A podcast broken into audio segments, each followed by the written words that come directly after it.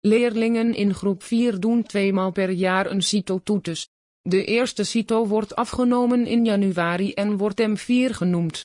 De tweede vindt plaats rond mei-juni en betreft de E4-toetes. Wat is nu belangrijk om als ouder of opvoeder te weten? In dit artikel gaan we u alles vertellen over de CITO-toetsen die in groep 4 worden afgenomen. Daarmee bent u straks volledig op de hoogte.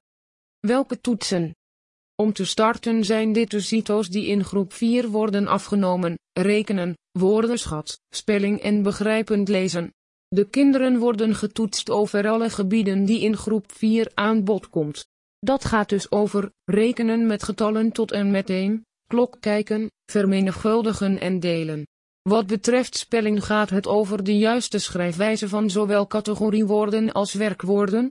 Woordenschat wordt getest middels woorden die leerlingen van groep 4 moeten kunnen.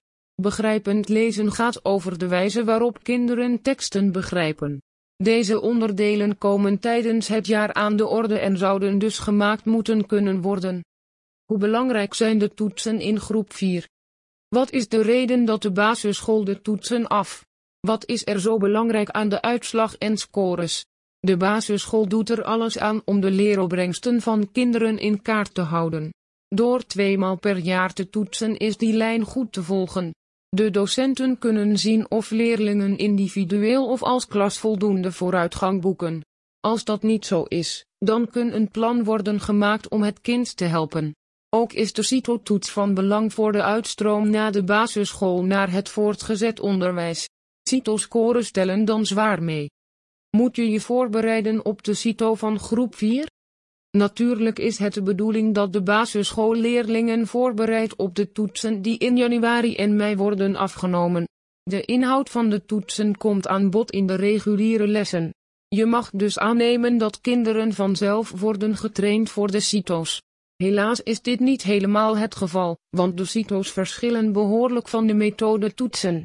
Vaak is niet alleen de inhoud anders, ook de wijze van bevraging is anders dan op de methode toetsen. Het is dan ook niet vreemd dat veel ouders ervoor kiezen om de CITO-toetsen te trainen. Daar zijn goede oefenboeken voor nodig, die ingaan op de stof van groep 4. De boeken van uitgeverij Education kunnen helpen om leerlingen goed voor te bereiden op de CITO-toetsen van groep 4. Oefenboeken voor thuis. Uitgeverij Education heeft drie oefenboeken ontworpen voor groep 4.